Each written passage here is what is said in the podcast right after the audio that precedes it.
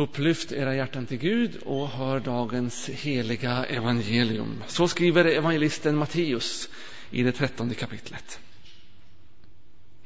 Jesus sa, med himmelriket är det också så när man lägger ut ett nät i sjön och får fisk av alla slag i det.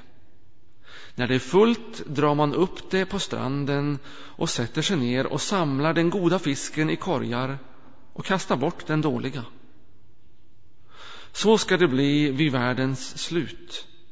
Änglarna ska gå ut och skilja de onda från de rättfärdiga och kasta dem i den brinnande ugnen.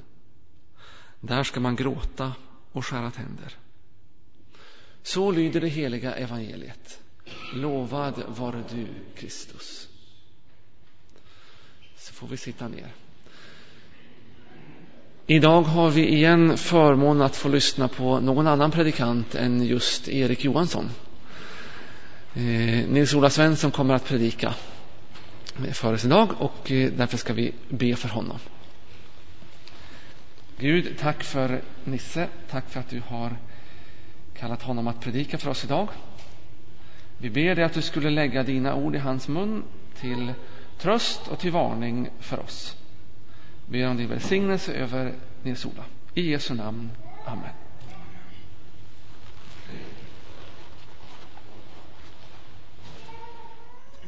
Jag ska erkänna att det var med viss bävan och spänning som jag förberedde mig inför att predika just idag. Domsöndagen kanske inte är den söndagen som har de lättaste texterna att tala om. Men nu står jag här. Eh, I sommar, sommaren som har gått och även nu i höst, så har jag eh, jobbat på ett företag som heter Läromedia. Det är ett företag som tillhandahåller eh, skolböcker och övrigt eh, läromedelsmaterial, allt som skolorna kan behöva, och som skickas ut till landet. Jag eh, jobbar som packare. Jag står och packar böcker i lådor och på pall. Det kan emellanåt vara ganska enformigt. Men eh, på eh, packborden, packborden bredvid mig så har jag trevliga och sociala arbetskamrater. Och jag minns speciellt ett samtal med en av mina arbetskamrater tidigt i höstas. Han visste att jag läste teologi eh, på Missionsskolan och han var själv väldigt andligt intresserad. Jag minns inte hur samtalet började, men, men rätt vad det var slänger han ut sig på, lite, på sitt lite provocerande sätt. Ja, ja, jag kommer väl ändå att brinna i helvetet, eller vad säger du? Det kändes inte som att det var direkt i den lättaste änden att börja vårt samtal om, om kristen tro. Att prata om helvetet. Men faktum kvarstår det är ingen annan än Jesus Kristus som uttalar orden i dagens evangelietext. Och just därför måste vi ta dem på allvar och fundera på vad de betyder.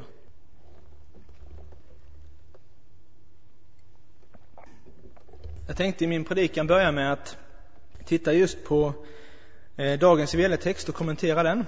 Och sen så kommer jag att tala en del om helvetet och slutligen några ord om himmelen. Kapitel 13 i Matteus evangelium, som dagens text är hämtad ifrån, kallas även för liknelsetalet. Detta tal innehåller liknelser som Jesus eh, ger, som handlar om Guds rike. Det handlar om sådd och om skörd, det vill säga spridandet, predikandet av Guds ord, budskapet om Guds rike. Det handlar om hur människor tar emot det, om kampen mellan ont och gott, den andliga kampen om människans själ och slutligen beskrivs även domen i detta tal. Alltihopa i liknelser. Eh, I vår text, dagens evangelium, så använder Jesus bilden av ett nät för att beskriva himmelriket. Alla som lyssnade visste vad det var för nät Jesus talade om. Ett stort fyrkantigt nät försett med flöten så att det kunde liksom stå upprätt i vattnet. Alla slag av fisk strömmade till och kunde fångas i det. Och, sedan, på grund av nätets storlek, så var man tvungen att dra upp det på land och man kunde endast tömma det på land. Detta förstod alla de som lyssnade. Men min fråga är om de förstod vad som menades med himmelriket. Vad menade egentligen Jesus när han sa att himmelriket är som ett nät?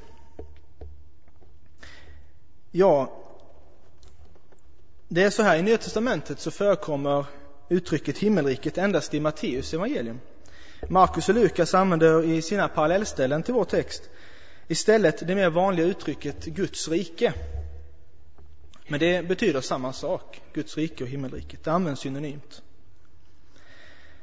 Termen himmelriket eller Guds rike, det står för Guds herravälde. Guds övervärldsliga maktsfär.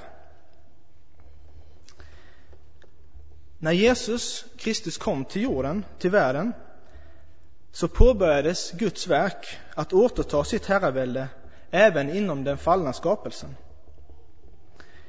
Jesus inledde sin förkunnande verksamhet med orden Omvänd er, ty himmelriket är nu här, i Matteus 4. Guds rike här på jorden är påbörjat, men blir en realitet fullt ut när Jesus kommer tillbaka, då en ny himmel och en ny jord kommer att skapas där Guds fredsrike råder. I dagens epistel så läste vi följande från första Korintierbrevet. Så skall också alla få nytt liv genom Kristus, men i tur och ordning, först Kristus och därefter vid hans ankomst, det som tillhör honom. Sedan kommer slutet, när han överlämnar riket åt Gud Fadern. Då har han förintat varje välde och varje makt och kraft, ty han måste härska tills han har lagt alla fiender under sina fötter. Så man kan säga att förståelsen av Guds rike eller himmelriket är något dubbeltydig. Det är något redan nu, som började med Jesus, men ännu icke fullt ut. Lärjungarna fick i uppdrag att predika dess närvaro i världen och samtidigt undervisar Jesus, som i dagens eh, text, om Gudsriket och det som händer vid världens slut, om domen, eller med ett fina ord om Gudsrikets eskatologiska innehåll.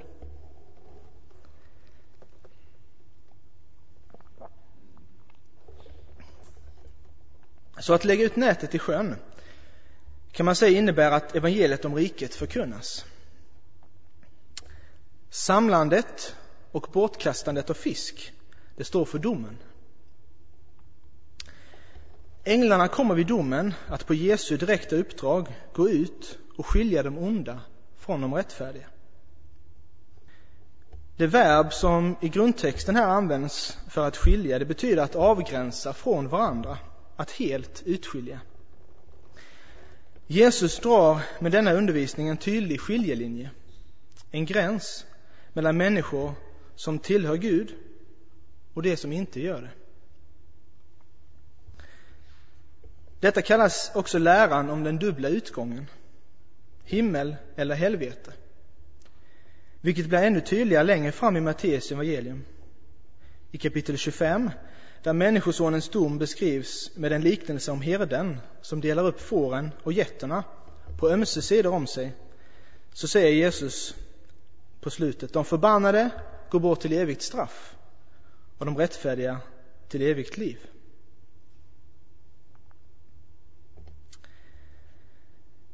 Evigt straff kastas i den brinnande ugnen. Här måste jag stanna upp lite. En brinnande ugn, en evig eld.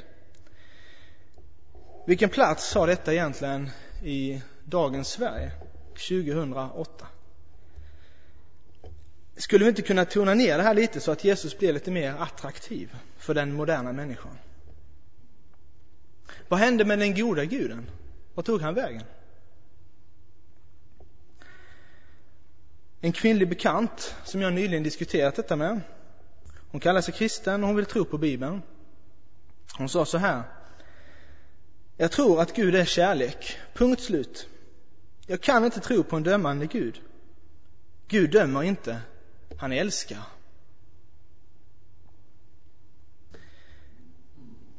Detta kanske är i en mening sant. Vi läser i, först, i Johannes evangelium kapitel 3 att Gud inte sände sin son till världen för att döma världen utan för att världen skulle räddas genom honom. Men texten fortsätter också. Den som tror på honom blir inte dömd, men den som inte tror är redan dömd eftersom han inte trott på Guds enda sons namn. Vår tid här på jorden har en ände. Mänskligheten kommer att dömas vid Jesu återkomst. Men frågan är varför det kan vara så svårt att tro på det för en modern människa idag. Och vilken gudsbild ger det? Jag vill citera en teolog som heter Morland. Han, han, han säger så här. Det är fel att tro att Gud helt enkelt är, är det är fel att tro att Gud helt enkelt är en som älskar. Särskilt om man använder ordet så som det används idag. Ja, Gud är en varelse full av känslor. Men han är också rättvis, ren och sann. Guds beslut grundar sig inte på sentimentalitet. Här är ett av skälen till att människor aldrig haft bekymmer med tanken på helvetet förrän i vår tid. Idag tycks man bara bry sig om de mjuka dygderna som kärlek och ömhet, medan man har glömt bort de svårare, som helighet, rättfärdighet och rättvisa. Slutcitat. Evangeliernas vittnesbörd om Jesus är en person med oerhört stort patos, med en innerlig kärlek till människor, men också med en tydlig integritet. Han levde och talade utan att någonsin tumma på sanningen. Jesus kom för att tjäna, upprätta och hela mänskligheten.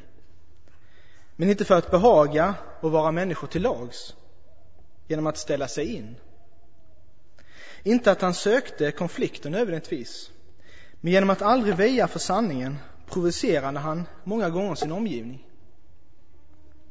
Vid det tillfället sa till och med hans lärjungar, det är outhärdligt det han säger.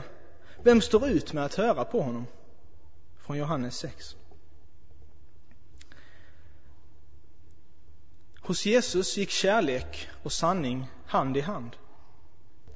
Johannes skriver i sitt evangeliums inledning om Jesus att han var fylld av nåd och sanning. Han som säger ”Jag är sanningen” är samtidigt kärleken personifierad. Det är så vi förstår Jesus utifrån evangeliernas sammantagna beskrivning av honom. Och detta är också viktigt att ta med sig när man sen närmar sig varje enskild text om honom i evangelierna. Inte minst en text som dagens evangelium. Hos Jesus går alltid kärlek och sanning hand i hand.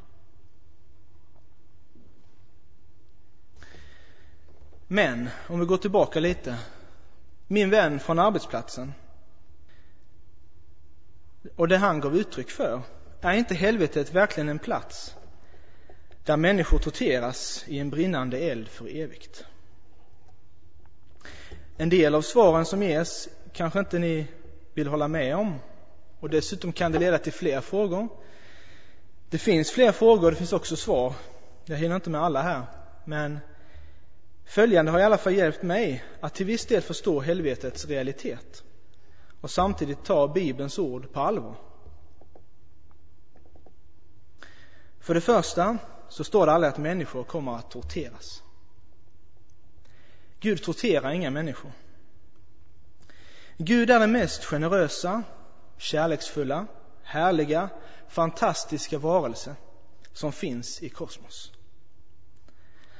Han har skapat oss med en fri vilja och i en viss avsikt. Att i kärlek ha gemenskap med honom och med varandra. Om vi misslyckas gång på gång med att leva för det som vi är skapade till och dessutom inte vill ta emot den gåvan av förlåtelse och evigt liv som Jesu död och uppståndelse ger har den helige guden absolut inget annat val än att ge oss det som vi bett om hela tiden alltså att bli skilda från honom. I Bibeln skulle jag påstå att helvetet innebär att vara skild eller bannlyst från det mest underbara i världen, Gud själv. Det är att vara utestängd från allt av värde, inte bara från Gud utan också från dem som lärt känna och älska honom.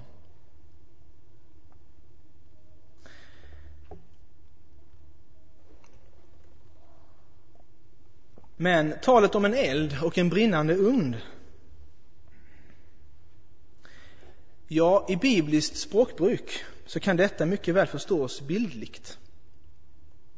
Helvetet beskrivs som det yttersta mörkret och ändå finns där eldslågor. En bokstavlig betydelse kan bli svår att förstå. I Bibeln talas det till exempel om att Kristus ska komma tillbaka omgiven av eld. Här står elden för att Kristus kommer för att döma. Ett bildspråk. Gud kallas i Hebreerbrevet för en förtärande eld.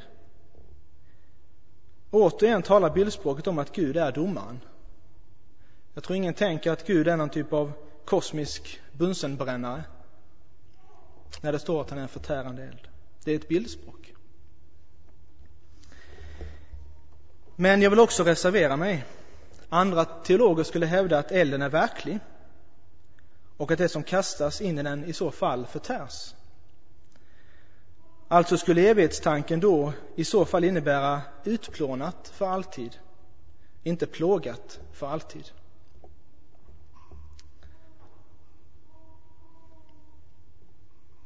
Även om helvetet är en realitet är Guds inställning glasklar utifrån andra Petrusbrevet. Herren dröjer för er skull eftersom han inte vill att någon skall gå förlorad utan att alla ska få tid att omvända sig. Det är Guds inställning till det.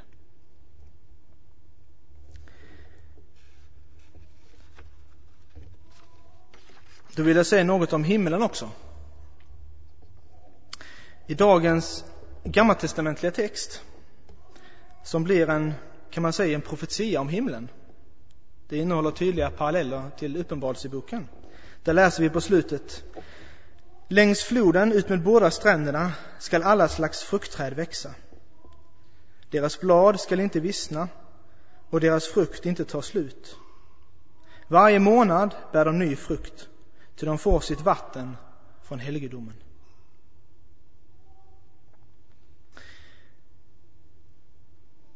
I Uppenbarelseboken, detta var från Hesekiel jag läste, i Uppenbarelseboken som jag också vill citera så beskrivs himlen som en helt fantastisk plats. I kapitel 7 läser vi Sedan såg jag och se en stor skara som ingen kunde räkna av alla folk och stammar och länder och språk. De stod inför tronen och lammet klädda i vita kläder och palmkvistar i sina händer och de ropade med hög röst Frälsningen finns hos vår Gud som sitter på tronen och hos Lammet. Lite längre ner i samma kapitel står det Och en av de äldste sade till mig Dessa som är klädda i vita kläder, vilka är de och varifrån kommer de? Jag svarade Du vet det, Herre. Han sa till mig det är de som kommer ur det stora lidandet. De har tvättat sina kläder rena och gjort dem vita i Lammets blod. Därför står de inför Guds tron och de tjänar honom dag och natt i hans tempel. Och han som sitter på tronen skall slå upp sitt tält över den. De skall inte längre hungra, inte längre törsta. Varken solen eller någon annan hetta ska träffa dem. Ty lammet som står mitt för tronen skall vara deras herde och leda dem fram till livets vattenkälla. och Gud ska torka alla tårar från deras ögon. En fantastisk beskrivning. Intressant. Att vara kristen innebär att man till skillnad från alla, till skillnad från inom alla andra livsåskådningar och religioner kan säga med visshet jag har evigt liv. Inte på grund av vad jag åstadkommit, utan vad Kristus har gjort för mig. Därför behöver man som kristen aldrig vara rädd för varken domen eller helvetet. I Romarbrevet skriver Paulus Nu blir det alltså ingen fällande dom för dem som tillhör Jesus Kristus. Jesus Kristus har gjort mig fri.